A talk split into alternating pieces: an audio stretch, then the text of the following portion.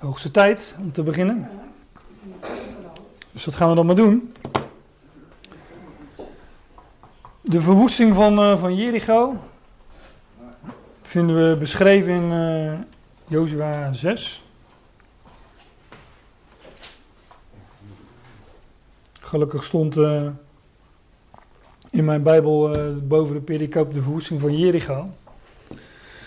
Zal even te denken welk thema ik het moest geven. Een belegering van Jericho, dat klonk ook weer wat, uh, wat overdreven. Maar laten we eerst het hoofdstuk lezen. Vanaf vers 1 gewoon. Jericho nu sloot de poorten toe en was, en was gesloten voor het aangezicht van de kinderen Israëls. Er ging niemand uit en er ging niemand in. Toen zeide de Heer tot Jozua: Zie, ik heb Jericho met haar koning en strijdbare helden in uw hand gegeven.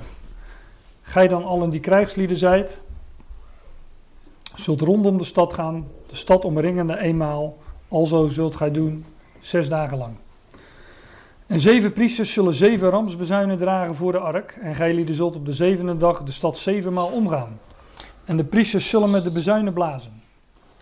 En het zal geschieden als men langzaam met de ramshoorn blaast, als gij lieden het geluid der bezuin hoort. Zo zal al het volk juichen met een groot gejuich. Dan zal de stadsmuur onder zich vallen en het volk zal daarin klimmen. En ieder tegenover zich.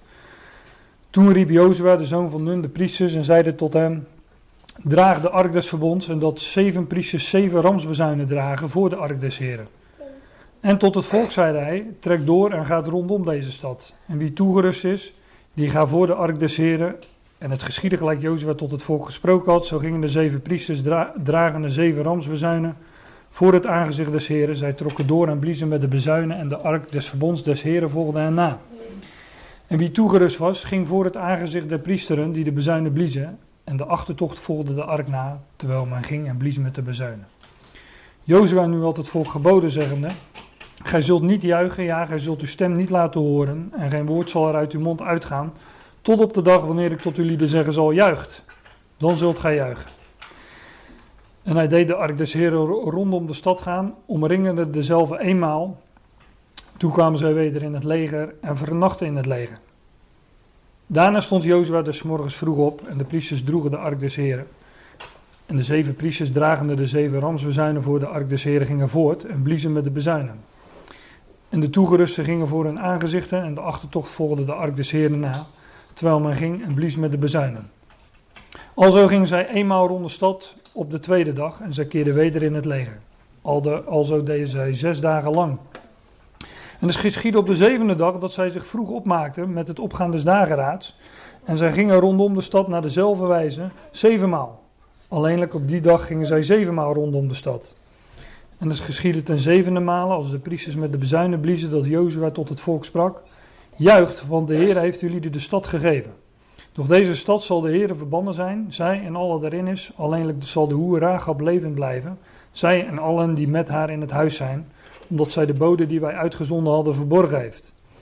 Alleenlijk dat gij lieden u wacht van het verbannene, opdat gij u misschien niet verband, mits nemende van het verbannene, en het leger van Israël niet stelt tot een ban, nog datzelfde beroert.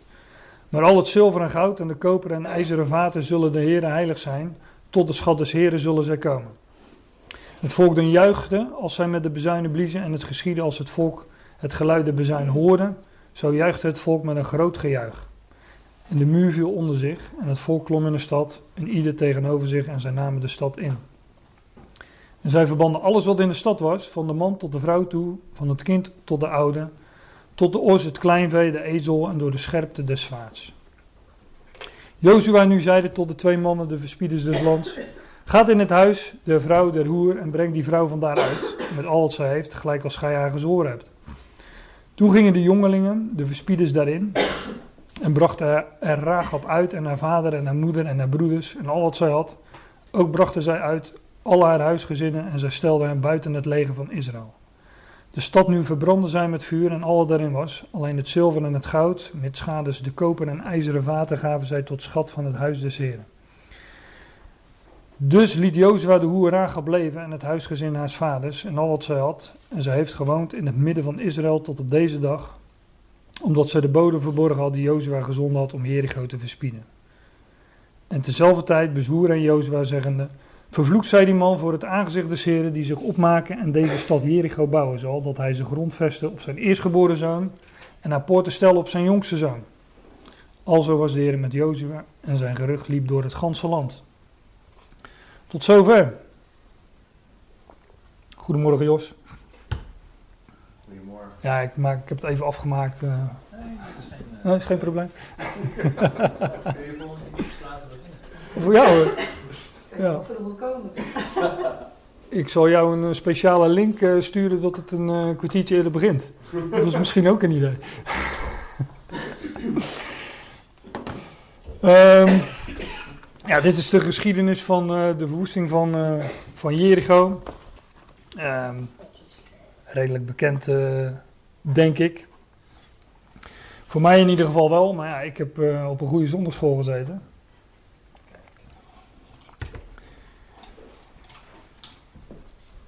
Ja, mijn ouders die, zijn een huis aan het opruimen. Die gaan voor de achtste keer in evenveel jaren verhuizen. En, ja, daar ruim je wel eens wat op. Dus die kwamen een foto tegen en daar stond ik op met, met mijn zonderschool. En die, dat heette Timotheus, de zonderschool Timotheus. En die foto was genomen voor de basisschool. En de basisschool waar ik op zat stond heel groot op de gevel School met den Bijbel. Nou, dat... Nee, dat. Ja. Ja, dat is waar. Ja. Nou, dat is vroeger toch wel iets anders. Hè? Maar uh, ja, daar heb ik dus uh, blijkbaar die, die verhalen wel gehoord, want ik, uh, ze zitten toch wel redelijk vast in mijn geheugen. En dit is natuurlijk ook wel een van de, van de verhalen die, die tot de verbeelding spreekt. Het is een tamelijk uitgebreid hoofdstuk. Um, wij zijn vorige keer hebben we de geschiedenis in Jozua 3 besproken over de doortocht door de Jordaan. Ik zei toen al, ik ga sowieso niet het hele boek uh, Jozua bespreken. Ik heb nu ook wel een, een gedeelte overgeslagen. Van uh, Jozua 4 het einde en Jozua 5. In Jozua 5 gaat het over besnijdenis. Tenminste, dat speelt daar een, een belangrijke rol. En binnenkort uh, ga ik ook bijbelstudies geven over de, de Romeinenbrief. En daar is uh, in, het begin van die, uh, in het begin van de Romeinenbrief, nou niet alleen in het begin, maar daar speelt de besnijdenis ook nog een grote rol. Dus ik kan me zo voorstellen dat we op zondag een keer een uitstapje maken naar, naar dat onderwerp. Om daar dus wat nader op in te zoomen. Want het is wel een mooi onderwerp. Er valt veel over, over te zeggen. En het is ook een steeds terugkerend thema in de schrift, die besnijdenis. Maar ik heb het uh, hoofdstuk al door uh, zitten lezen en toen uh, kwam ik erachter dat ik vorige keer flink mijn best heb gedaan om uit te leggen wat Gilgal betekent. Het plaatsje Gilgal, het volk Israël is door de Jordaan getrokken vanuit Sittim naar Gilgal. En ik heb toen uitgelegd dat het een, een uitbeelding is van het doorgaan door de dood en het aankomen in, uh, ja, in het leven of het nieuwe leven. Hè, waar Gilgal een beeld van is, van wedergeboorte zou je kunnen zeggen. Gilgal betekent zoiets als uh, rollen of omwentelen. Nou, ik zei al, ik heb, ik, zal, ik heb mijn best gedaan om, uh, om dat een beetje uit te leggen. Maar toen las ik in hoofdstuk 5, las ik vers 9. Dan pak ik er even, pak ik er even bij in de interlineair. In uh, hoofdstuk 5, vers 9, daar staat uh, gewoon uitgelegd wat, uh, wat is. Daar staat, verder sprak de Heer tot Jozua. Heden heb ik de smaad van Egypte van uw lieden afgewenteld. Daarom noemde men de naam die plaats Gilgal. Nou, als je geen flauw idee hebt, wat, zoals ik, wat, geen, geen kennis van de Hebreeuwse taal. Als je daar niet veel, veel van weet dan is het een kwestie van begrijpend lezen. Heden heb ik de smaad van Egypte van uw lieden afgewenteld. Daarom noemen men die plaats Gilgal. Nou, dan weet je, Gilgal moet iets te maken hebben met afwentelen. En dat heb ik vorige keer ook gezegd, het wentelen van bijvoorbeeld uh, de steen bij het graf van de Heer. Uh, dat rollen van die steen, dat wentelen, ja, dat heeft alles met wedergeboorte ook te maken. Hè. Een rondje draaien, om het uh, heel simpel te zeggen. Een rondje draaien is uh, het is telkens een nieuwe cyclus. Dus het begint opnieuw. Nou, hier staat in interlineair ehm, ook dat woord eh, rollen. Jawel, de Heer zei, tot uh, Jozua vandaag, ik rol de smaad van Egypte. Dus, en dat rollen en Gilgal, ja, dat zijn dus woorden die, die met elkaar overeenkomen. Hier op die woorden klik, dan zie je dat, dat het Gilgal soms ook vertaald wordt met rollend of een rollend wiel. Dat heeft daar dus mee te maken. Een wiel, een, maar ook een rollende steen wentelende steen. Dus dat heeft alles te maken met, met wedergeboorte, om het dan maar in één woord samen te vatten. En waarom zeg ik dat? Nou, omdat uh, Gilgal in het boek Jozua eigenlijk de uitvalsbasis is van ja, alles wat het volk doet. De, men, het volk had zich gelegerd, hadden hun kampen opgezet in Gilgal. En vanuit daar, vanuit die positie, om het zo te zeggen, vanuit die positie nam men het land in bezit. En ook dat zou, uh, zou onze uitgangspositie zijn natuurlijk. Het leven van, uh, ja, hoe je het ook wil zeggen, het leven van een nieuw leven. Dat het vanuit, vanuit dat onvergankelijke leven nemen wij uh, de belofte in bezit. Nog een beetje zacht. Hè? Vanuit, vanuit die uitgangspositie, vanuit die positie.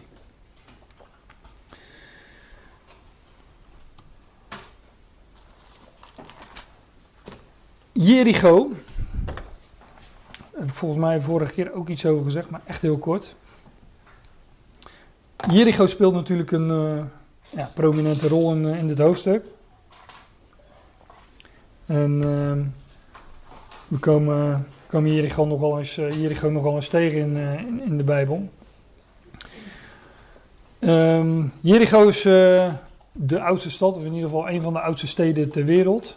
Wikipedia die, die zegt daar het volgende over. Jericho is een stad op de westelijke Jordaanhoever, niet ver van de rivier de Jordaan. Ongeveer 15 kilometer ten noordwesten van de Dode Zee. De stad ligt ongeveer 260 meter onder zeeniveau. En Jericho staat bekend als de oudste continu bewoonde stad ter wereld. Het is dus de oudste stad ter wereld. In ieder geval de oudste bewoonde stad. En het is uh, een stad die ver onder zeeniveau uh, ligt. Volgens mij is het. Uh, het is niet een van de.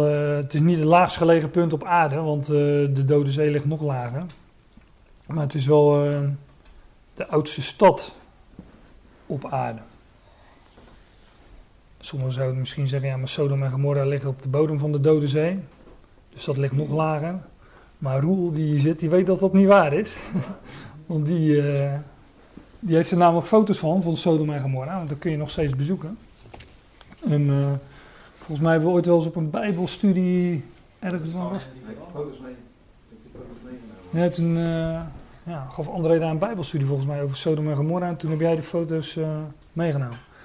Roel, je hebt heel wat foto's van, uh, van Sodom en Gomorra. Kun je vandaag de dag nog steeds uh, bezoeken. Alleen, uh, ja, wat je... Als je daar bent, wat je, wat je, wat je ziet is as.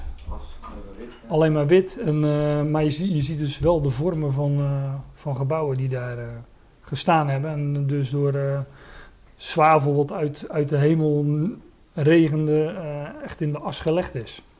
De zwavelballetjes die kan je nog steeds vinden. Ja. ja. En dan brandt het nog even. Ik heb, ik heb toevallig, websiteje kan ik in de pauze wel even doorgeven. Ik heb toevallig vorige week of die week daarvoor nog wat, uh, uh, wat films daarvan zitten kijken. Want je kunt er gewoon op YouTube ook wat, wat filmpjes van vinden. Bijzonder interessant. Maar we hebben het nu niet over Sodom en Gomorra, maar over Jericho. Um, ja, dat ligt dus 260 meter onder zeeniveau. En op zich is dat natuurlijk al uniek. Een stad die, uh, ja, naar de mens gesproken, eigenlijk onder water uh, had moeten liggen. Maar dat, uh, dat zeg ik enigszins dubbelzinnig. En het is ook een, de oudste continu, de oudste stad ter wereld. De oudste continu bewoonde stad ter wereld. Nou, ik moet dan denken aan, eh, aan woorden uit, eh, uit 2 Petrus. Waar Petrus dit zegt. Daar heeft Petrus het over de oude wereld. De oudste stad is, meen ik, een, eh, een beeld van deze oude wereld. Die staat in eh 2 Petrus 2. En als God de oude wereld niet gespaard heeft, maar het achtal van Noach, de prediker van de gerechtigheid, bewaard heeft toen hij de zondvloed vloed over de wereld van de goddelozen bracht. Oh, nu heb ik even iets verkeerd gedaan. Dus ik, eh, ik had nog wat versen moeten, in mijn eh, presentatie moeten zetten. Maar dat geeft niet. Ik eh, zoek het gewoon even op, 2 Petrus 2.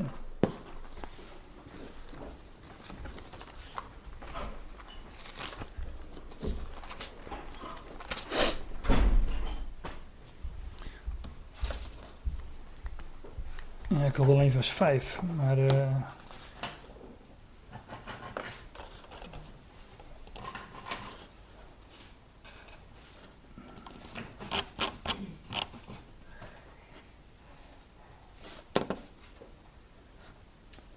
Nou, ik heb iets fout gedaan, maar.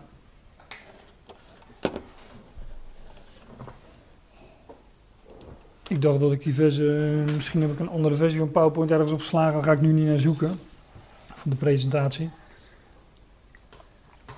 Ik lees vanaf. eh, nee, ik lees even vanaf, eh, vanaf vers 1. Lees we gewoon even het hele stuk. Want het staat, eh, het staat in een bepaalde context.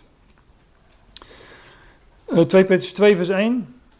En, of maar, er zijn ook valse profeten onder het volk geweest. Gelijk ook onder u valse leraars zijn zullen, die verderfelijke ketterijen bedekkelijk invoeren zullen. Ja, dat is wat eh, oud-Nederlands natuurlijk, statenvertaling. Er zullen ook valse profeten onder het, zijn ook valse profeten onder het volk geweest, zoals ook onder u valse leraars zijn zullen, die verderfelijke ketterijen bedekkelijk invoeren zullen. Ook de Heere die hen gekocht heeft, verloochenende en een haastig verderf over zichzelf brengende. En velen zullen hun verderfenissen navolgen, door welke de weg der waarheid zal gelasterd worden. En zij zullen door gierigheid, door hebzucht, met gemaakte woorden van u een eh, koopmanschap maken, over welke het oordeel van overlang niet ledig is. En hun verderf sluimert niet.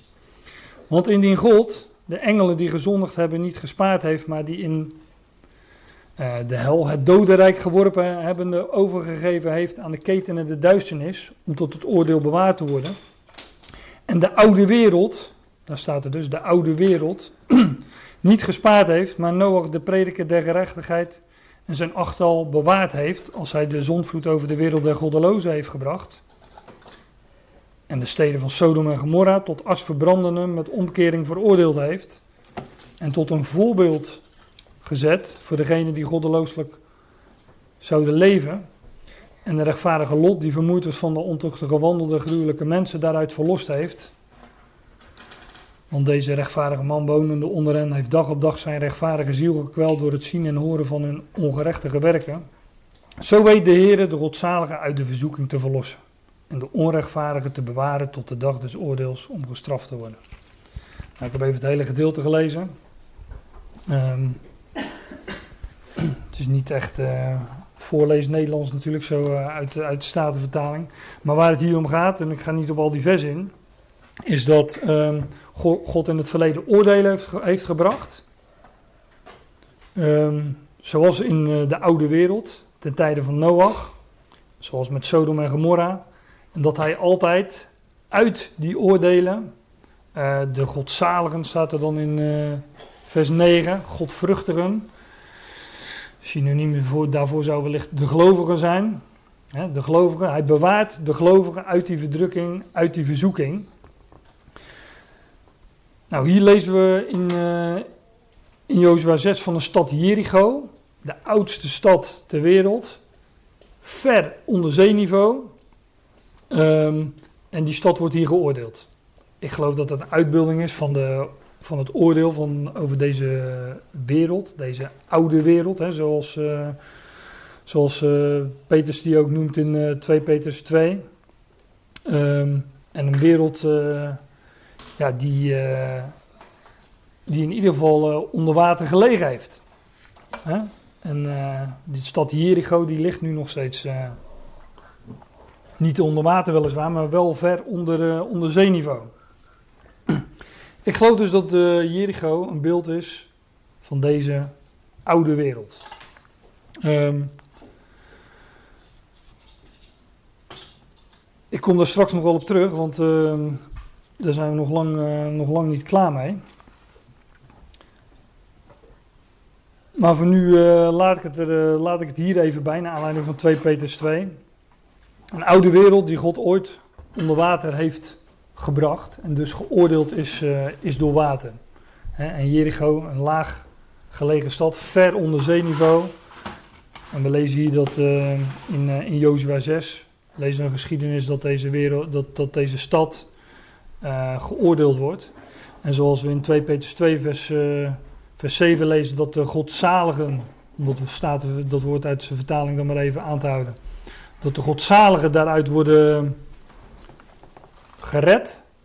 Zo wordt ook uit Jericho wordt, eh, de hoer Rahab gered. De, gelo- de gelovige hoer Rahab, want dat lezen we van haar. Wat is er van? Heb je het nu over Jericho? Ja. Ik ben benieuwd wat je ervan oppikt. ja. Jens zei vanmorgen, ik ga niet naar jou zitten luisteren, want het is allemaal veel te moeilijk. Dus eh, Ik ga het wel. jij gaat het proberen. oké. Ik ga het wel. Nou, Jericho, ik heb een, eh, een kaartje afgedrukt. Tenminste, afgedrukt, op, de, op het scherm gezet.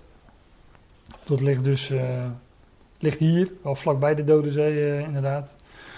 Ehm, we komen Jericho in het eh, Nieuwe Testament. Komen we het eh, zeven keer tegen.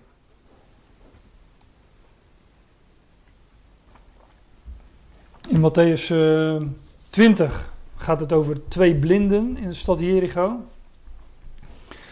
Ehm, in Marcus 10 gaat het over één blinde in Jericho en in Lucas 18 ook.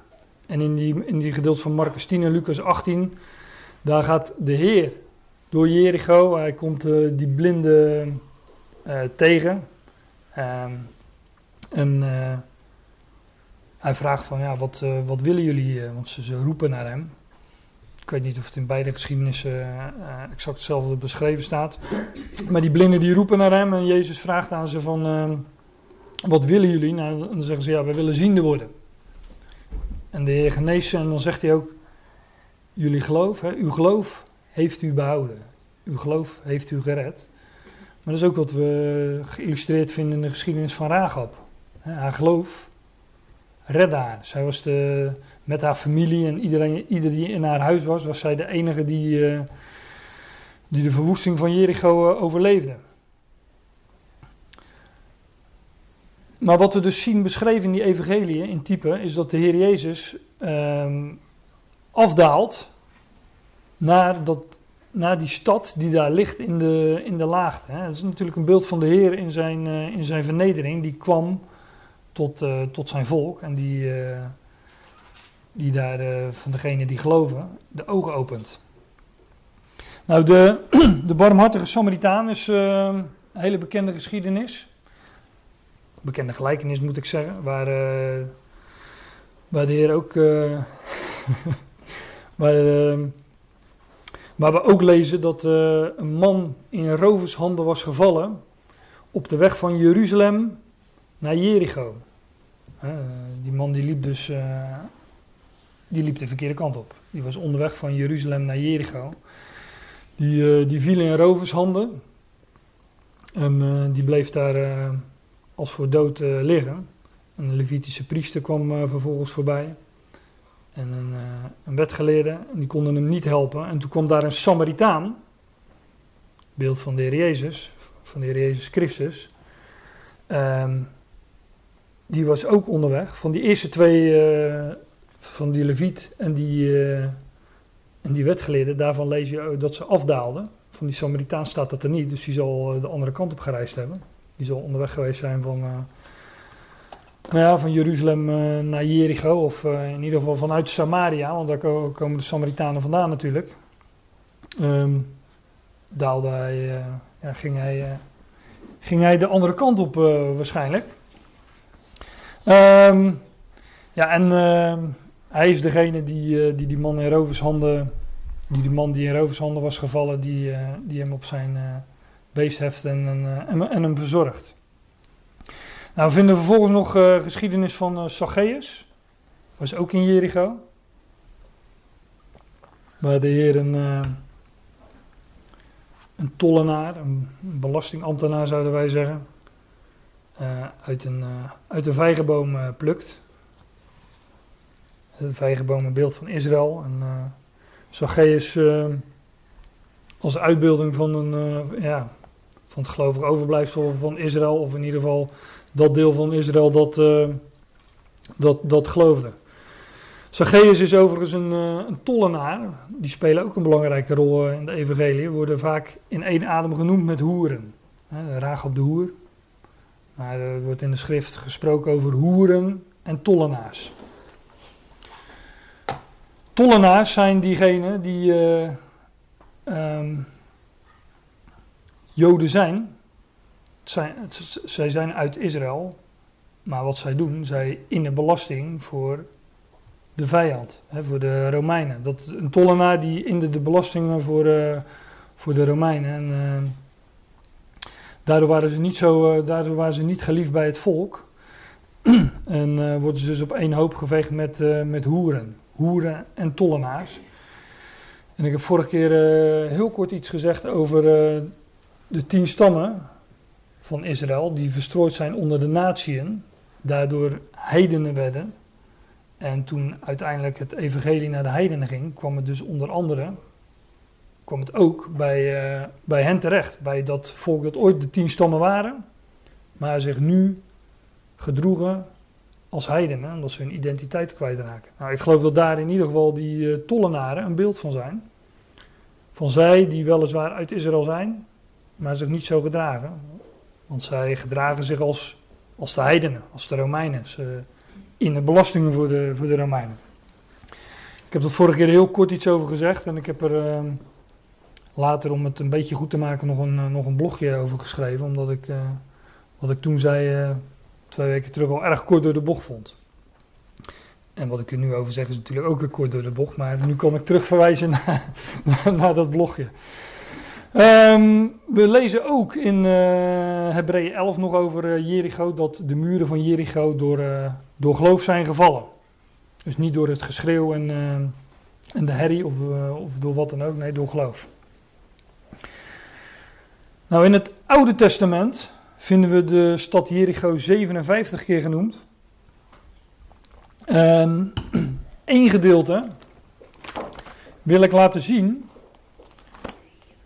En dat wil ik doen naar aanleiding van Jozua 6, vers 26. Helemaal op het einde staat daar een, uh, een vers. Wat je bijna niet, uh, niet mee zou lezen als je de geschiedenis van, uh, van Jozua 6 over de woesting van Jericho leest. We hebben het net ook gelezen, maar ik lees het nog even een keer.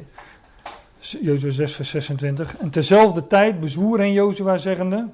Vervloekt zij die man voor het aangezicht des Heren, die zich opmaken en deze stad Jericho bouwen zal, dat hij zijn grondvesten op zijn eerstgeboren zoon en haar poorten stellen op zijn jongste zoon.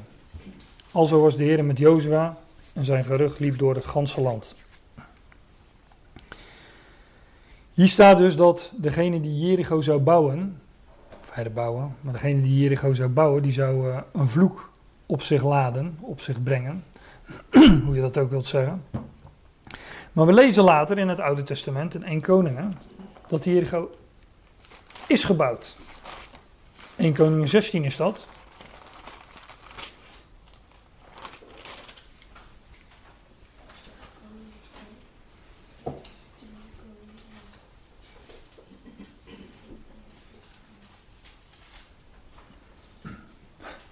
Kun je het bijhouden, Fem, met bladeren?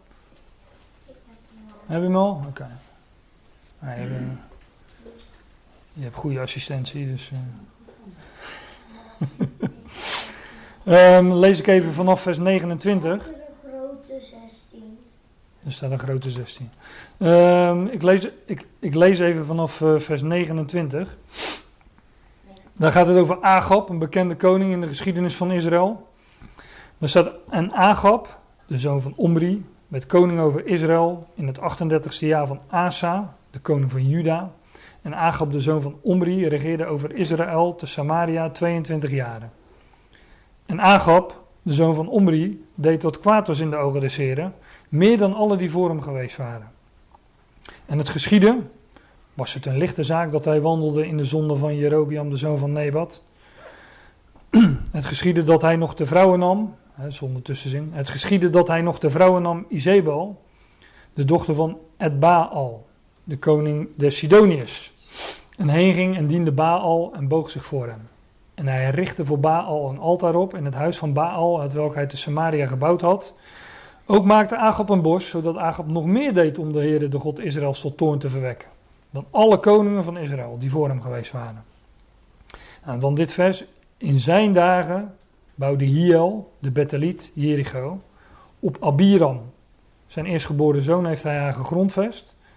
En op Segub, zijn jongste zoon, heeft hij haar poorten gesteld. Naar het woord des Heren dat hij door de dienst van Jozua, de zoon van Noen, gesproken had. Nou, hier vinden we dus een, een verwijzing naar, de, naar Jericho dat, uh, dat inderdaad weer uh, gebouwd werd volgens, volgens de voorschriften. Um, we lezen hier, ik heb, ik heb dat even meegelezen, over Agab. Die, dat lezen we tweemaal, die meer kwaad deed dan alle koningen van Israël die voor hem geweest waren. Dat staat in vers 33.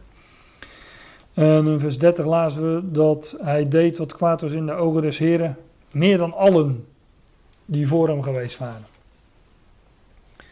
Dus Jericho wordt herbouwd, wordt gebouwd op een moment dat, uh, dat men meer, dat, dat er meer kwaad was, in de, dat er meer kwaad gedaan was in de ogen des Heren dan, ja, dan ooit daarvoor. En dan in zijn dagen, staat het vers 34, daarom heb ik het, uh, het voorgaande even meegelezen vanwege het verband. In zijn dagen wordt dan uh, Jericho gebouwd door die uh, Hiel. Dus op het hoogtepunt van, nou, van het kwaad, op het hoogtepunt, of het dieptepunt zou je eigenlijk moeten zeggen, maar op, het, op het dieptepunt, op, toen men het diepst gezonken was, toen met ja, op dat moment wordt Jericho uh, gebouwd of herbouwd. Overigens, um, denk ik um, dat Jericho als stad, of als bewoonbare plaats, of hoe je dat ook moet zeggen, wel degelijk al bestond ook daarvoor. Want je leest in, uh, even in mijn aantekeningen kijken, in 2 Samuel 5, vers 10 wordt Jericho ook genoemd. Nou, dat speelt zich natuurlijk af voor de, voor de geschiedenis waar, die we nu lezen. Um, maar ook in het, de rest van het boek Jozua, pak maar een concordantie, zoek Jericho op en je vindt het ook uh, in de rest van het boek Jozua. Het is gewoon uh, ook gegeven als, uh, als erfdeel aan, ehm, ik meen, ik meen Caleb, maar dat weet ik niet zeker. Maar het was daarin, daar, daarna in ieder geval een bewoonbare plaats. Dus um, als ik al die gegevens zo naast elkaar leg, dan zou ik de conclusie trekken dat wat we hier beschreven vinden in 1 Koningen 16 vers 34, als Jericho gebouwd wordt, dat het gaat om, uh, om de muren en, uh, en de poort. Want op zich de bewoonbare plaats Jericho, maar ik weet niet of je iets een stad mocht noemen in die tijd als er geen muur omheen stond. Maar die bewoonbare plaats van Jericho, dat bestond wel degelijk, want dat vinden we hiervoor ook al terug in de geschiedenis.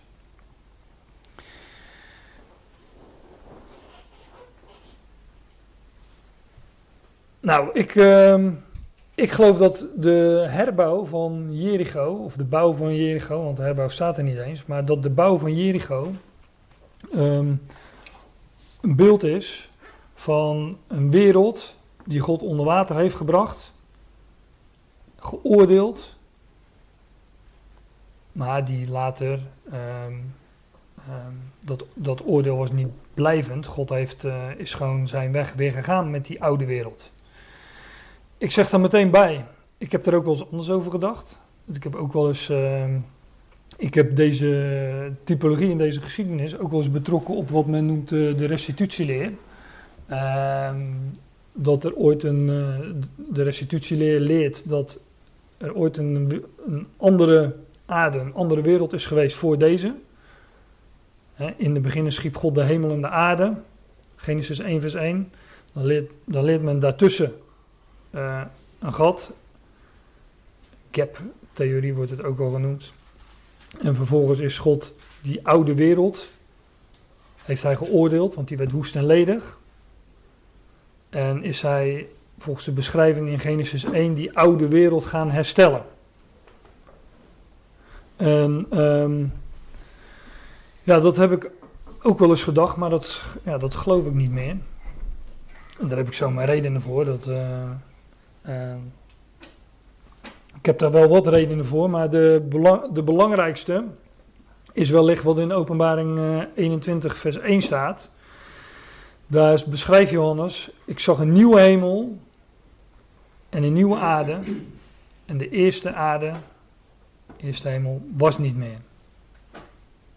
dus als daar straks een nieuwe hemel en nieuwe aarde komt, dan wordt over deze aarde gesproken als de eerste aarde, de eerste hemel.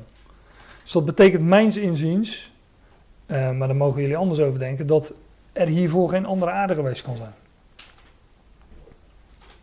Want dan zou dit, dit de tweede aarde zijn. En de nieuwe hemel en de nieuwe aarde zou dan de derde inmiddels zijn. En dan zou er in openbaring 21 terugverwezen zijn naar de tweede aarde. En de tweede hemel was niet meer. Is, even, is ook heel kort door de bocht, maar uh, ja, we kan er nu eenmaal nu, nu niet uitgebreid op ingaan. Maar ik geloof dus dat de herbouw van Jericho zoals die hier beschreven wordt in uh, 1 Koning 16 vers 34, dat dat gaat over uh, ja, hoe God uh, deze wereld heeft voortgezet na de zondvloed. Of als u het op de zondeval wilt betrekken, vind ik dat ook prima. Ik, ja, dat zou wellicht ook nog kunnen. Maar in ieder geval um, is het zo dat God een wereld die hij geoordeeld heeft, onder de, onder de, in ieder geval onder, onder, de, onder de watervloed heeft gebracht dat hij die, uh, ja, dat hij die water heeft, die heeft hij gewoon weer weg laten gaan. En hij is, hij is verder gegaan met, met die wereld. Nou, ik geloof dat Jericho daar een beeld van is. Um, en men zegt vaak van ja, Jericho mocht niet herbouwd worden. Want dat staat in Jozua 6, vers 26. Maar als ik Jozua 6, vers 26 staat, lees, dan staat het er niet. Er staat, dat, uh, er staat juist beschreven dat als men Jericho zou bouwen, hoe men dat zou moeten doen. He, op, uh, dat hij zijn grondvest op zijn eerstgeboren zoon en naar poorten stellen op zijn jongste zoon. En dat vind je beschreven in 1 Koning 16 vers 34, hoe Hiel, hoe hij dat gedaan heeft. Hij heeft Jericho uh, gebouwd. En dat heeft hij gedaan op zijn eerstgeboren zoon. En op zijn jongste zoon heeft hij poorten gesteld, staat daar. Dus daar is niks mis mee. Dat heeft hij gewoon volgens, uh, volgens voorschriften gedaan. Daarop heeft men natuurlijk weer bedacht dat hij daarvoor eerst zijn zoons um, hoe dat, om, ter dood heeft gebracht. Maar ook dat is natuurlijk. Um, ja, ook dat is, dat, dat, dat is natuurlijk tamelijk onlogisch als je het mij vraagt. Want wie, uh, nee, uh, zijn zoons kunnen uh, gestorven zijn, kunnen overleden zijn, ehm, kunnen doodgeboren zijn. Dat las ik overigens wel in de studiebijbel. Hè. In, die tijden, in die dagen was de kindersterfte veel hoger dan nu. Wellicht zijn zijn, zoon, zijn zijn zoons doodgeboren. En dan heeft hij, en dacht hij van, nu ik toch twee dode zoons heb, kan ik net zo goed volgens de voorschriften in, uh, in het boek Jozua die, uh, die stad herbouwen. Maar nu even naar de, naar de typologie wat we vinden in uh, 1 Koning 16 vers 34. Eh, en dat is een, eh, voornamelijk gebaseerd op namen. De, in, in, in zijn dagen staat daar bouwde Hiel. Dat betekent God leeft. Hiel de Betheliet. Dus die was uit het huis van Bethel. Maar ja, God leeft, de levende God. Wij hebben onze hoop gevestigd op de levende God, die redder is van alle mensen. Hiel uh, lijkt me een beeld van, van God. Zo heet hij namelijk. Levende God. En hij kwam uit Bethel. Nou, dat is het huis van God. Daar woont, daar woont God in, zijn, in zijn huis. In zijn dagen bouwde Hiel, God leeft, de Betheliet, Jericho. Op Abiram, zijn eerstgeboren zoon, heeft hij haar gegrondvest. Abiram betekent, uh, mijn vader is hoog, mijn vader is verheven. Lijkt me, en hij was, hij was de eerstgeboren zoon. Lijkt me een type van, uh, van Christus, van de Heer Jezus Christus. He, die, uh, die zijn vader ook aansprak als, uh, als de verhevene. En op Segub, zijn jongste zoon. En Segub betekent ook zoiets als verhoogd of verheven. Die Segub en uh, Abiram. Ik denk dat het uh, twee verschillende waren, maar het zou ook nog wel te verdedigen zijn dat het, uh, dat het dezelfde was. Alleen met twee verschillende namen genoemd. Want door heel de schrift heen lezen we toch dat de jongste zoon de eerstgeboren is. Isaac, Jacob, ja, noem ze maar op in Genesis. De eerstgeborene is de jongste en dat zijn allemaal typen van Christus, al die, uh, die eerstgeboren jongste zonen. Je zou ook nog kunnen zeggen, hè, hij is uh, in de. Pak ik even de interlineaire bij.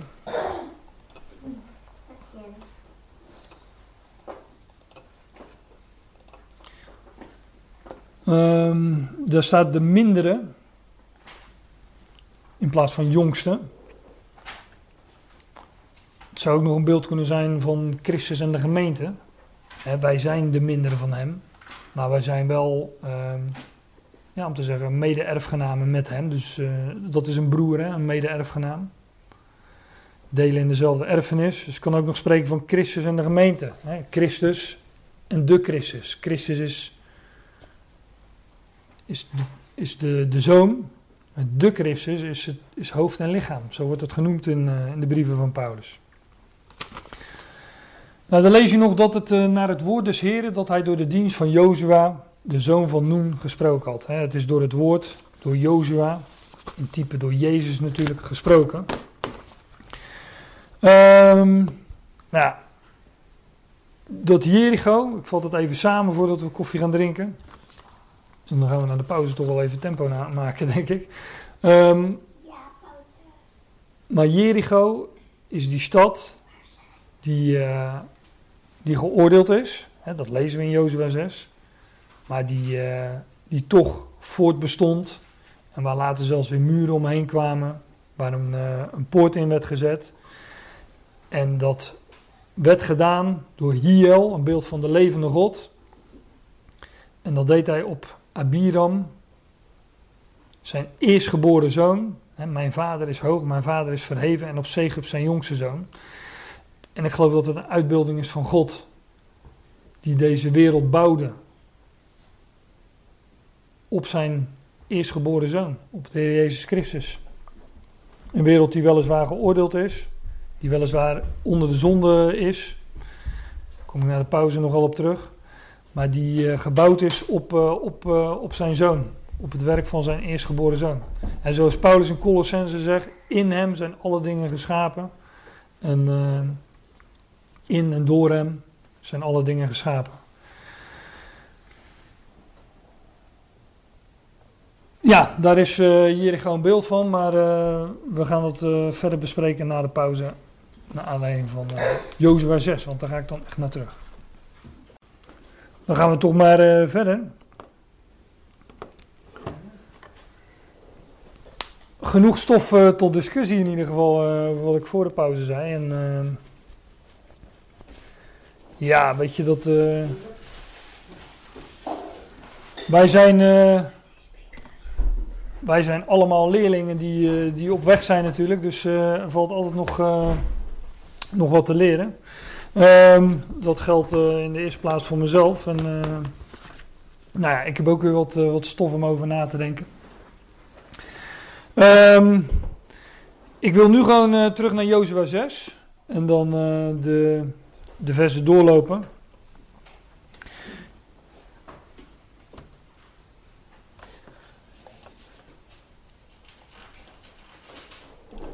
Jozua 6 eh, in vers 1 stond de Jericho nu sloot de poorten toe en was gesloten voor het aangezicht van de kinderen Israëls. Er ging niemand uit en er ging niemand in. De Statenvertaling heeft, eh, heeft daar toegevoegd dat de poorten werden toegesloten. En dat zal ook wel. Ehm, want zo, eh, zo zou je een, stad ehm, dichtzetten. Denk aan Simpson in Gaza, die eh, wilde ze ook binnen de poorten houden. En eh, had men ook de poorten gesloten. Maar ieder, ja, Jericho ging eh, sloot, ging dicht.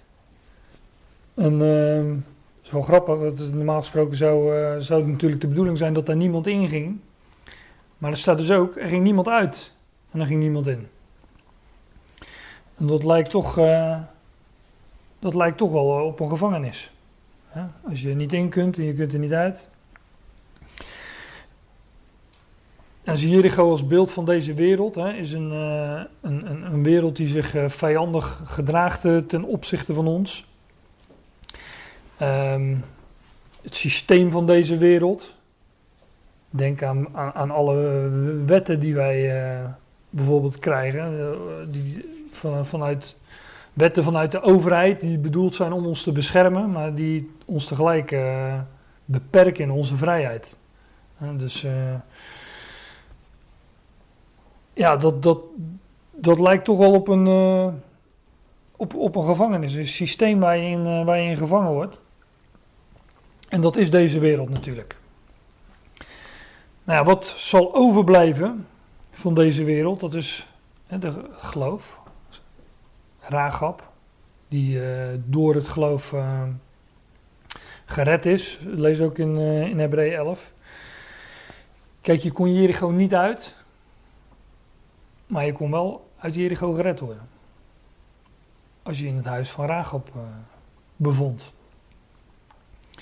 Nou, dat is natuurlijk.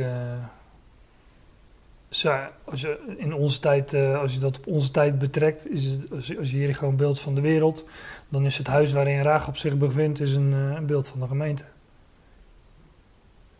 Was dat? Nee, dat was niet hier. Ik, eh, vorige keer. je had bijvoorbeeld in Israël ook vrijsteden waarna je kon toevluchten als je, als je iemand had gedood zonder dat, je daar, zonder dat daar opzet in het spel was. Kon je vluchten naar een vrijstad.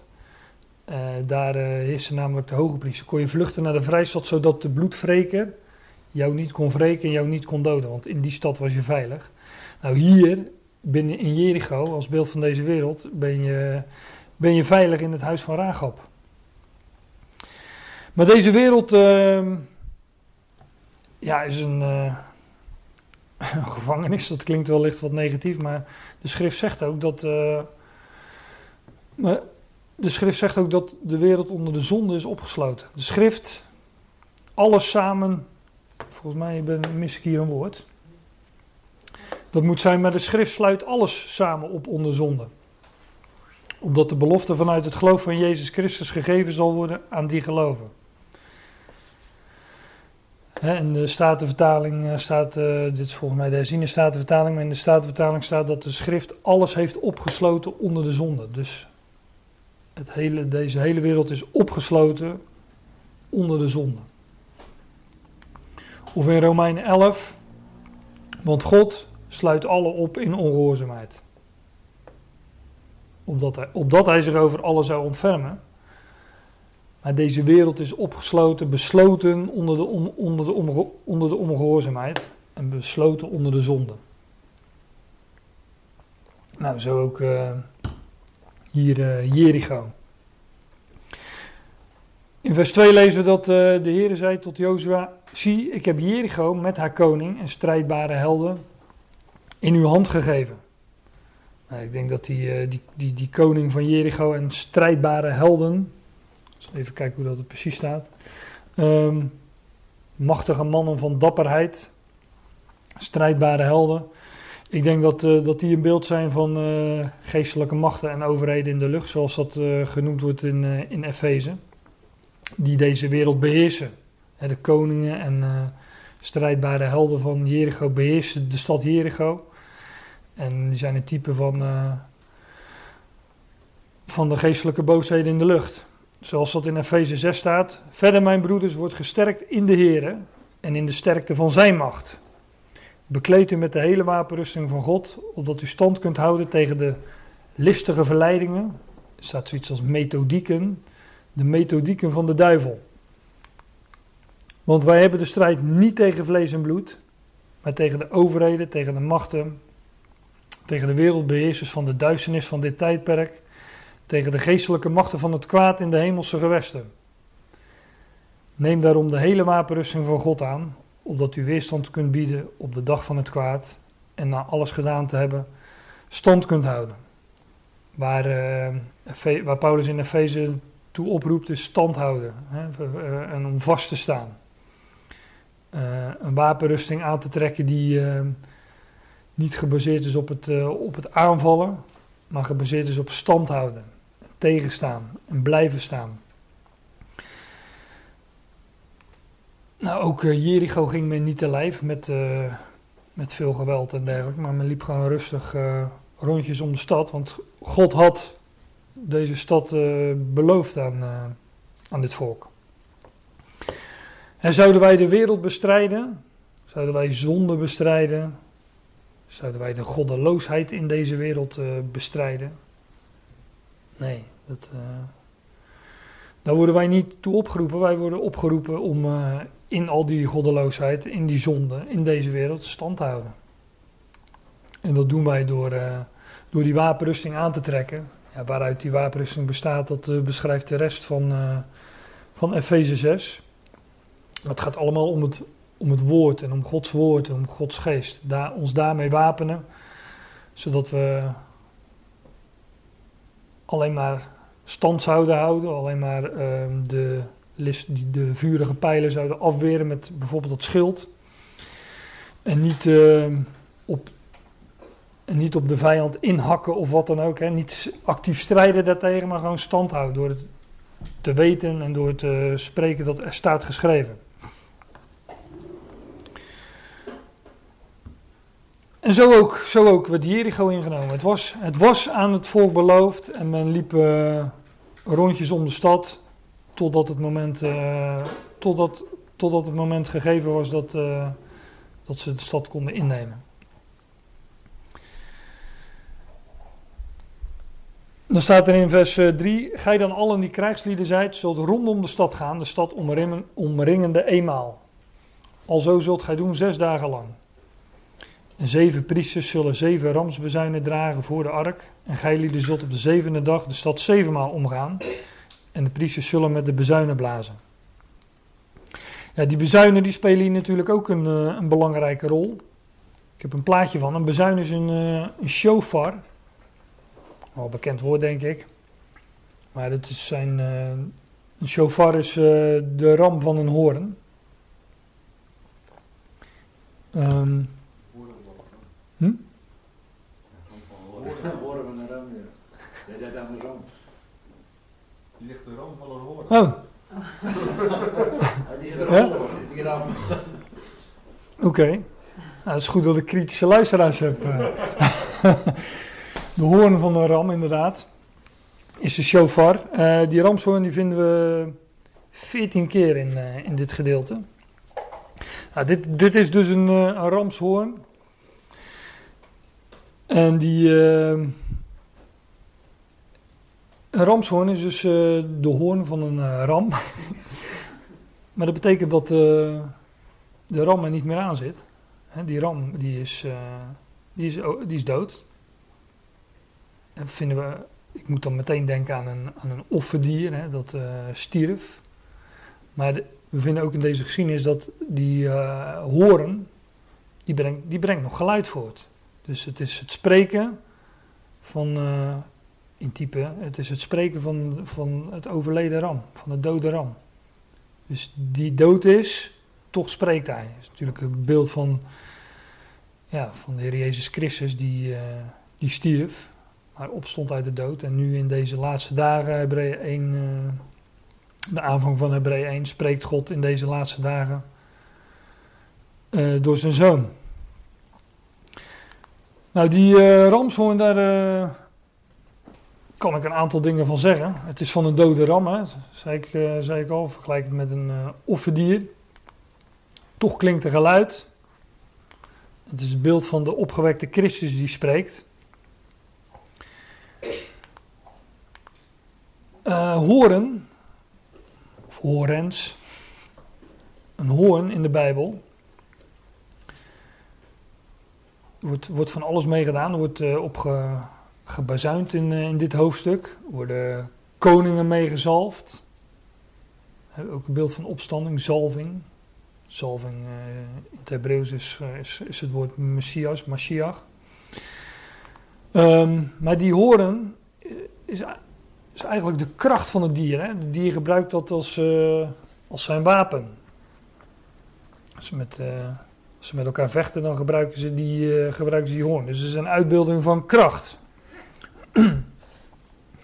Als je het op tv ziet, dan uh, wordt er volgens mij bijna altijd bij verteld dat het, uh, dat het zich ook afspeelt in paringstijd. Hè? Juist dan worden die, worden die wapens van het dier gebruikt. En dat gaat ook weer over het voortplanten, over vruchtbaarheid, over nieuw leven tot stand brengen juist op dat moment, hè, om het, uh, het, gevecht om het vrouwtje, om het, uh, om het zo even te zeggen, juist op dat moment worden die wapenen, wordt de kracht van het dier ingezet om nieuw leven tot stand te brengen. Het is ook een beeld van koningschap, die horen. In uh, openbaring 17 staat de tien horens die gij gezien hebt, dat gaat over een visioen, zijn tien koningen.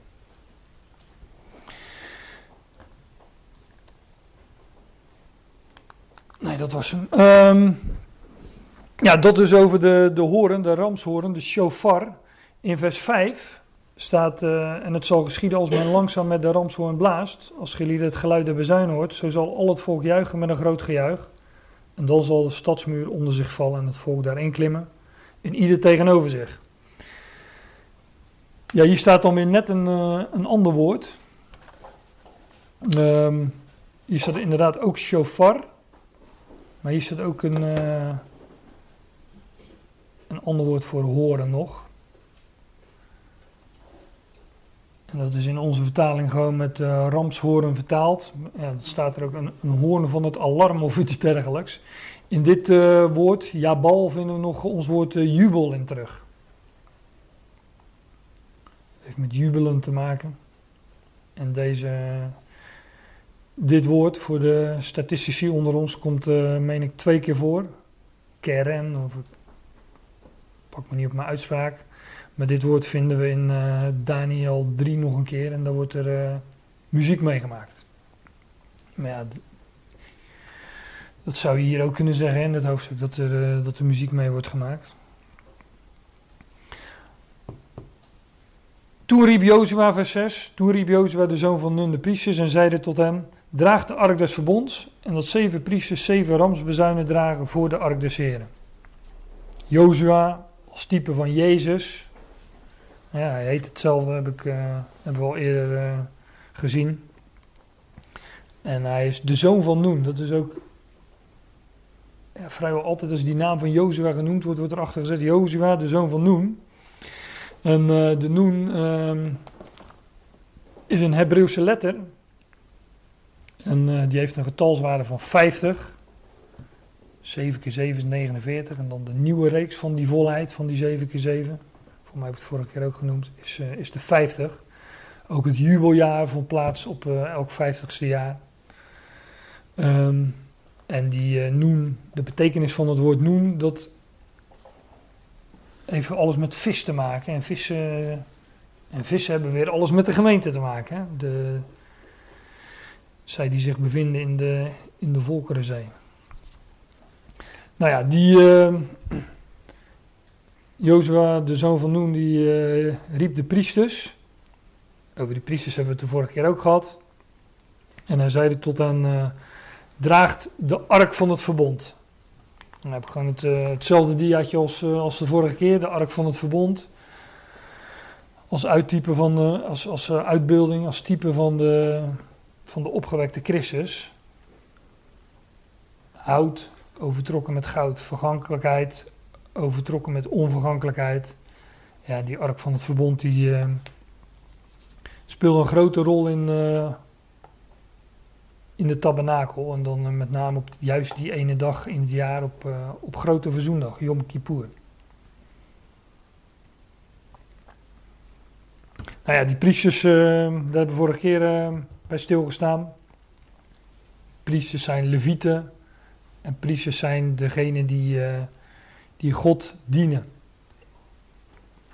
Een beeld van de gemeente, van de Ecclesia. Vers 7. Tot het volk zeide hij, trek door en gaat rondom deze stad. En wie toegerust is, die ga voor de ark des Heren. En het geschiedde gelijk Jozua tot het volk gesproken had. Zo gingen de zeven priesters dragende zeven ramsbezuinen voor het aangezicht des Heren. Zij trokken door en bliezen met de bezuinen en de ark des verbonds des Heren volgde hen na. En wie toegerust was, ging voor het aangezicht der priesteren, die de bezuin- bezuinen bliezen. En de achtertocht volgde de ark na, terwijl men ging en blies met de bezuinen. Jozua nu had het volk geboden, zeggende, gij zult niet juichen, ja, gij zult uw stem niet laten horen, en geen woord zal er uit uw mond uitgaan, tot op de dag wanneer ik tot uw lieden zeggen zal, juicht, dan zult gij juichen. In dit vers, vers 10, wordt drie keer gezegd dat het volk eh, stil zou zijn. Tenminste in, op drie verschillende manieren. Je zult niet juichen, jullie zullen niet juichen, jullie zullen je stem niet laten horen en er zal geen woord uit jullie mond uitgaan. Tot op de dag wanneer ik tot jullie de zeggen zal, juicht. Dus het volk zou stil zijn.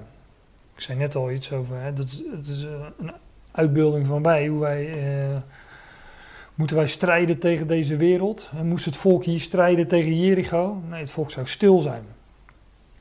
Overigens was dit al eh, tegen Mozes gezegd in Exodus 14. De Heere, Yahweh, zal voor jullie strijden. En jullie zullen stil zijn. Wij zouden niet strijden, wij zijn in Hem meer dan overwinnaars. En wij, eh, ja, wij zullen stil zijn. Net als... eh, wij hoeven deze wereld niet te bestrijden. Die wereld die, eh, die valt vanzelf. God had, de, God had de overwinning beloofd. En eh, als we de brieven van Paulus lezen, dan lezen we ook dat deze wereld ja, eigenlijk al, eh, al dood is.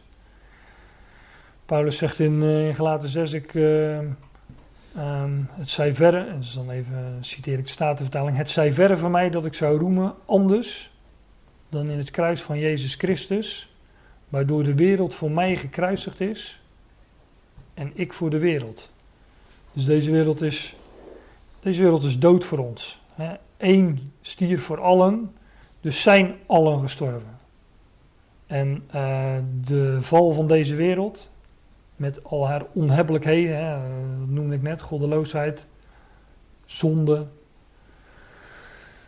Ehm, en alles wat ons niet aanstaat, ja, daar zouden we niet tegen strijden. Dat valt vanzelf.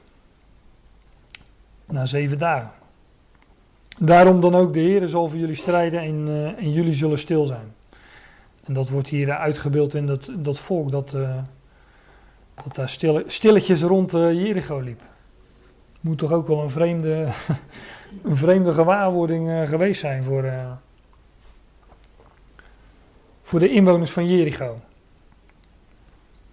Ik heb op, eh, zoals dat in mijn herinnering eh, ligt, en zoals, eh, dus dan voor de, de verhalen die je vroeger hoorde, hè, zodat die, die inwoners van Jericho, die zullen op die muur hebben gestaan, die zullen naar beneden hebben gekeken van, ja, dat, wat gebeurt hier, die zijn ook gek. Het enige wat je hoorde was die ramsbezuinen die, die bliezen. En het volk was stil, liep daar stil achteraan. Ja, aan de ene kant zullen ze gedacht hebben van, eh, wat gebeurt hier, dit is toch wel vreemd, maar ehm Rahab, die eh, legde er getuigenis van af dat dat, dat volk, dat hebben we toen gelezen in, uh, in Jozua 2, dat, dat ze eigenlijk doodsbang waren voor, uh, voor het volk. Want ze hadden gehoord wat God uh, wat, hoe God hen uit Egypteland uitgeleid had en wat hij de Egyptenaren had aangedaan. Dus het is nog maar de vraag hoe die uh, Jericho, Goianen, Jericho's, de inwoners van Jericho, hoe die op die muren hebben gestaan. Maar het zal een wat vreemd uh, schouwspel geweest zijn. Maar ja, um, zo kijkt de wereld toch ook naar ons. Het is een wat vreemd schouwspel dat, uh, dat groepje gelovigen dat, uh, dat ergens in de huiskamer gaat zitten en na gaat zitten denken over, over, een, over een stukje uit de Bijbel. Ja. Voor zover ze daar natuurlijk notie van hebben. En vers 11, hij deed de ark des heren rondom de stad gaan. Ook hier weer die ark des heren, de ark van het verbond die zo'n grote rol speelt. Hij deed de ark des heren rondom de stad gaan, omringende dezelfde eenmaal. Toen kwamen zij weder in het leger en vernachten in het leger. Ze gingen één keer de stad rond en dan werd het, uh, kwamen ze terug in het kamp, in het leger. En dan werd de nacht uh, doorgebracht. Daarna stond Jozua dus morgens vroeg op Hey, Jozua, Jezus, stond s morgens vroeg op. Daar, daar is het ook allemaal op gebaseerd natuurlijk wat hier gebeurt. En daar is de hele schrift, alles wat wij, uh, wat wij mogen weten en mogen geloven, is daarop gebaseerd. De, op, de opstanding van uh, Jehoshua. Daarna stond Jozua dus morgens vroeg op en de priesters droegen de ark des heren. En de zeven priesters dragende de zeven ramsbezuinen voor de ark des heren gingen voort en bliezen met de bezuinen. En de toegerusten gingen voor hun aangezichten en de achtertocht volgde de ark des heren na, terwijl men ging en blies met de bezuinen. Alzo gingen zij eenmaal rondom de stad op de tweede dag en ze keerden weder, ze keerden terug in het leger en alzo deden zij zes dagen lang. Dus dat heeft een, uh, bij elkaar een week geduurd. Ja, dat zal inderdaad een, uh, een vreemd schouwspel geweest zijn. Hè? De, de, de strijd tussen aanhalingstekens, de strijd die Israël hier voert, bestaat uit het spreken van de, van de hoorn, het spreken van de shofar. Overigens um, hebben wij in ons taalgebruik nog uh, uh, iets uh, uitbazuinen. En dat betekent iets luidkeels bekendmaken. Is een. Um, of dat geluid nou echt zo hard geweest is hier, dat, dat weet ik niet. Ik, uh, die mensen liepen rondom die stad. Ik heb geen idee hoe groot die stad was. Het zal niet zo ontzettend groot geweest zijn hè, als je binnen een dag daar uh, zes keer omheen kunt lopen. Dan zal, het, zal het ook niet zo heel groot geweest zijn. Dus het zou zomaar kunnen zijn dat de mensen in de stad die, die chauffeurs niet eens gehoord hebben. Mensen die zich achter de muren bevonden. Maar uitbezuinen in ons taalgebruik is natuurlijk wel een, uh, een uitbeelding van. Ja, het is een luidkeels bekendmaken of iets luid, luid roepen, iets uitbezuinen. En dat heeft natuurlijk mee te maken dat die bezuin een beeld is van kracht. En die bezuin is het, een uitbeelding van het spreken van het woord van God. En dat hoeft niet luidkeels te gebeuren, om het kracht, dat is krachtig. En waarschijnlijk is dat denk ik dan ook zo in onze taal terechtgekomen. Uitbezuinen. Omdat een bezuin een uitbeelding is van het spreken van het woord van God. En dat is een spreken in kracht.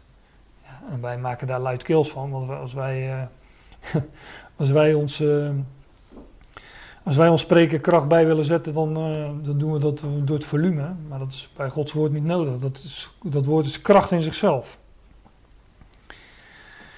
Nou, het geschiedde dan op de zevende dag, vers 15, dat zij zich vroeg opmaakten. Kijk, dat is, uh, daar wil ik toch nog, uh, nog nogmaals op wijzen. Dat het hier zich vroeg opmaken, dat is echt exact hetzelfde woord als dat, wat er in vers 12 vertaald is met daarna stond Jozua dus morgens vroeg op. He, vroeg opstaan. Exact hetzelfde woord. Ga, gaat ook hier over vroeg opstaan. In uh, vers 12 is dat Jozua. Ja. ja. En hier is het op de zevende dag, eh, ja, maakte zij zich dus morgens vroeg op. Zij stonden 's morgens vroeg op met het opgaan des dageraads. Om maar te benadrukken, benadrukken ook weer dat het 's morgens vroeg was. En zij gingen rondom de stad naar dezelfde wijze zevenmaal rondom de stad. En het geschiedde ten zevende maal als de priesters met de bezuinen bliezen, dat Jozua tot het volk sprak, juicht, want de Heer heeft lieden de stad gegeven. Ja, ze stonden dus morgens vroeg op en eh, ja, dan, eh, dan gaat het gebeuren. Hè. Het is op basis van de opstanding dat, eh, dat deze wereld zal vallen en dat er, en dat er een, een nieuwe hemel en een nieuwe aarde zal komen, een nieuwe schepping. Ja, die, eh, voor, de, voor degenen die goed kunnen tellen, ze hebben dus eh, totaal 13 keer eh, rond die stad gelopen. En zeven, zes dagen plus zeven, plus, plus zeven, zes, zes plus zeven is 13. Je zou ook kunnen zeggen dat ze zeven dagen rond de stad hebben gelopen. De Bijbel noemt hier die 13 niet. Maar zes dagen liep men een rondje om de stad. En de zevende dag ja, liep men meerdere rondjes. Dus je, de 13 heeft dan toch eh, in ieder geval hier iets met, met die zeven te maken. 13 bestaat. eh, de, de 13 is in de, in de schrift sowieso heeft het met een nieuwe reeks te maken. Wij kennen de 12 is een, eh, een prominent getal in de Bijbel. De 12 apostelen, de 12 stammen eh, van Israël. Maar we kennen bijvoorbeeld ook 12 maanden in het jaar. Hè. De, 12 spreekt van de heerschappij, van het koninkrijk. We kennen de 12 maanden die eh, regeren over, over het jaar, zou je kunnen zeggen. Die, de, de, die het jaar bepalen. We kennen de 12 uur van de klok. Maar ook de klok heeft een dertiende punt, hè, het middelpunt. En alles draait om dat middelpunt, om dat dertiende punt. Dus ik, die 13, ik geloof dat dat ook met een nieuwe reeks te maken heeft, met een, eh, ehm, met een omwenteling. Het Hebreeuwse woord liefde, voor liefde, ab, abba, heeft een getalswaarde van 13. Hè, en liefde heeft tot doel, eh, wat liefde doet, is eenheid tot stand brengen. Het Hebreeuwse telwoord egat, betekent, dat is het telwoord voor één, heeft ook een getalswaarde van 13. 13 spreekt dus, mijn zinziens, van het eh, tot stand brengen van eenheid. Ja, dus dan ook het, eh, het evangelie wat de dertiende apostel Pau- Paulus, de dertiende apostel wat hij bekend moet maken. Een evangelie van verzoening, van redding, van eenheid.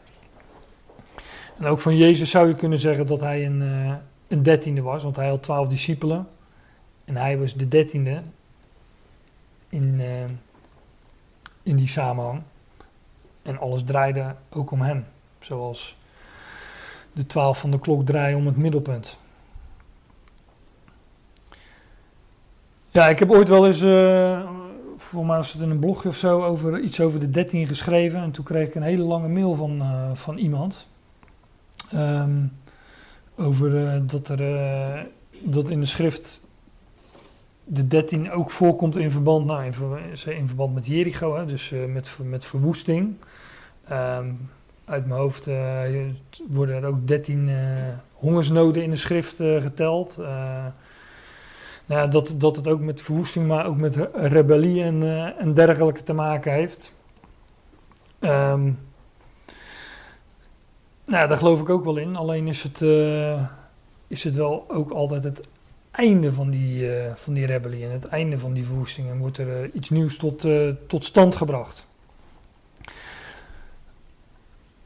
Ik ga niet nu heel uitgebreid nog, nog, nog meer vertellen over die 13. Ehm, ik, ik, ik heb een boekje van Boelinger waarin hij heel veel over die getallen vertelt. En over de 13 eh, gaat het volgens mij een bladzijde of 30, 35. Dus daar, eh, daar valt wel heel veel over te zeggen. Dus ik, eh, ja, ik ben er nog niet eh, helemaal uit. Sowieso heeft een getal, als je het over getallen hebt, ehm, zijn er natuurlijk altijd twee kanten van, eh, van de medaille. Je kunt zeggen van. ehm, je kunt zeggen van die 13 jaar die, eh, die spreekt van eh, rebellie, van verwoesting en dergelijke. Maar eh, wordt wel degelijk ook in verband gebracht met het, met het tot stand brengen van eenheid. Dat is natuurlijk het einde van die rebellie en het einde van die verwoesting. Dat verwoest wordt, wordt weer heel gemaakt. Nou ja, ehm, ik lees gewoon verder in vers 17. Deze stad zal de Heere verbannen zijn, zij en al wat daarin is. Alleen zal de hoer Rahab levend blijven. Zij en allen die met haar in het huis zijn, omdat zij de boden die wij uitgezonden had, verborgen heeft.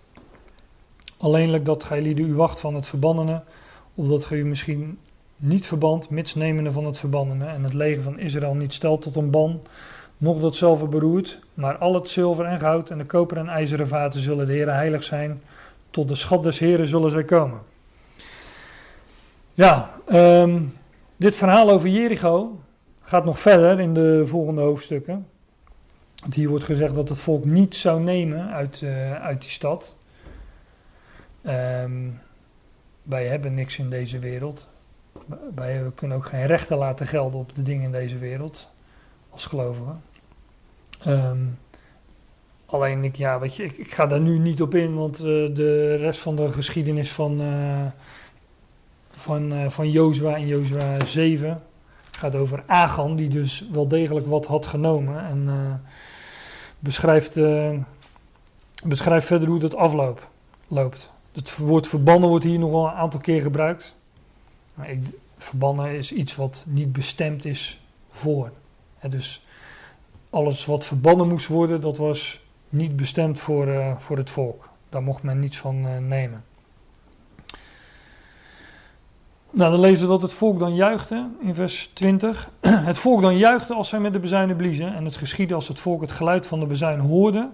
Zo juichte het volk met een groot gejuich. En de muur viel onder zich. Het volk klom in de stad. En ieder tegenover zich. En zij namen de stad in. En dan staat er weer. En zij verbanden alles wat in de stad was. Van de man tot de vrouw toe. Van het kind tot de oude. Tot de ors en het klein vee. De ezel door. De scherpte des zwaards. Hier staat voor de scherpte des zwaards, staat letterlijk de mond van het zwaard. Het zwaard is een uitbeelding van het woord van God. Ik ken zelfs een, uh, een softwareprogrammaatje dat zo heet, e-sword. Digitaal, het digitale zwaard, dat is ook een bijbelprogrammaatje. Maar ik was net in uh, Efeze 6, daar gaat het over de wapenrusting, daar wordt ook het zwaard, daar wordt ook het zwaard genoemd. Maar het is dus de mond van het zwaard. Want het zwaard spreekt. En als God spreekt, zal er een. Uh, na de zeven, na de zeven dagen, na de zeven dagen van duizend jaar. Zal, uh, zal Jericho vallen, zal deze oude wereld vallen. Zal uh, verwoest worden, zal verbrand worden met vuur, staat er in 2 Petrus 3. En zal er een, een nieuwe hemel en een nieuwe aarde komen. En die zal blijven. Nou, daar is, uh, daar is dit ook een, uh, ook een beeld van. Um, ja, en dan lezen we nog, Jozua nu zeiden tot de twee mannen, de verspieders van het land. Hè, die twee mannen waar we het al uh, eerder over hadden. Ga in het huis der vrouw, der hoer, en breng die vrouw van daaruit met al wat zij heeft, gelijk als gij haar gezworen hebt. Ja, dat hadden ze beloofd in, in hoofdstuk 2, die twee verspieders.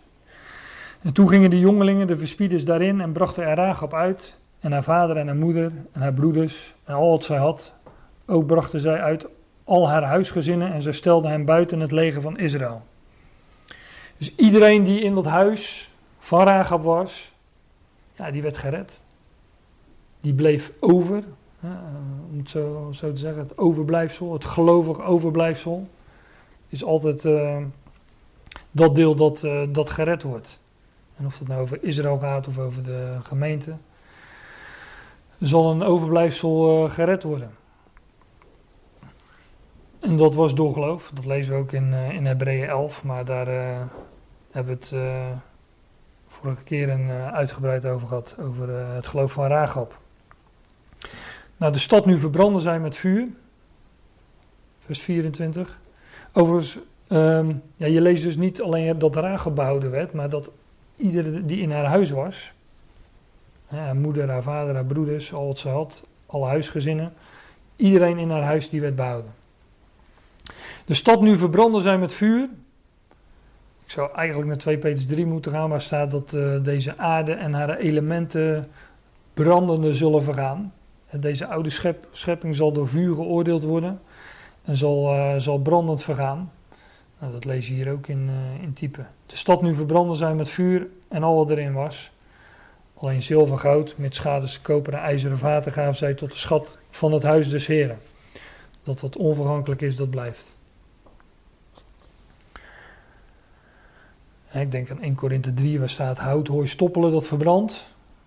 Maar wie op dat fundament gebouwd heeft met goud, zilver en kostbare stenen, ja, dat zal blijven. Dus liet Jozua de hoer Rahab leven en het huisgezin haars vaders en al wat zij had. En zij heeft gewoond in het midden van Israël tot op deze dag, omdat zij de bodem verborgen had die Jozua gezonden had om, Jozua, eh, om Jericho te verspieden. Ja, de hoer eh Rahab, zo wordt ze consequent genoemd, eh, bijna altijd.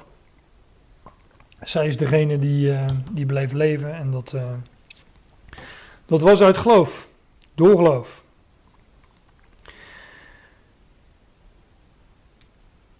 Ja, zo zijn we aan het einde gekomen van, eh van Jozua 6, want eh, de, het volgende vers heb ik al, eh, hebben we al besproken. En het is ook de hoogste tijd om, om af te sluiten. Zo doen we maar hierbij.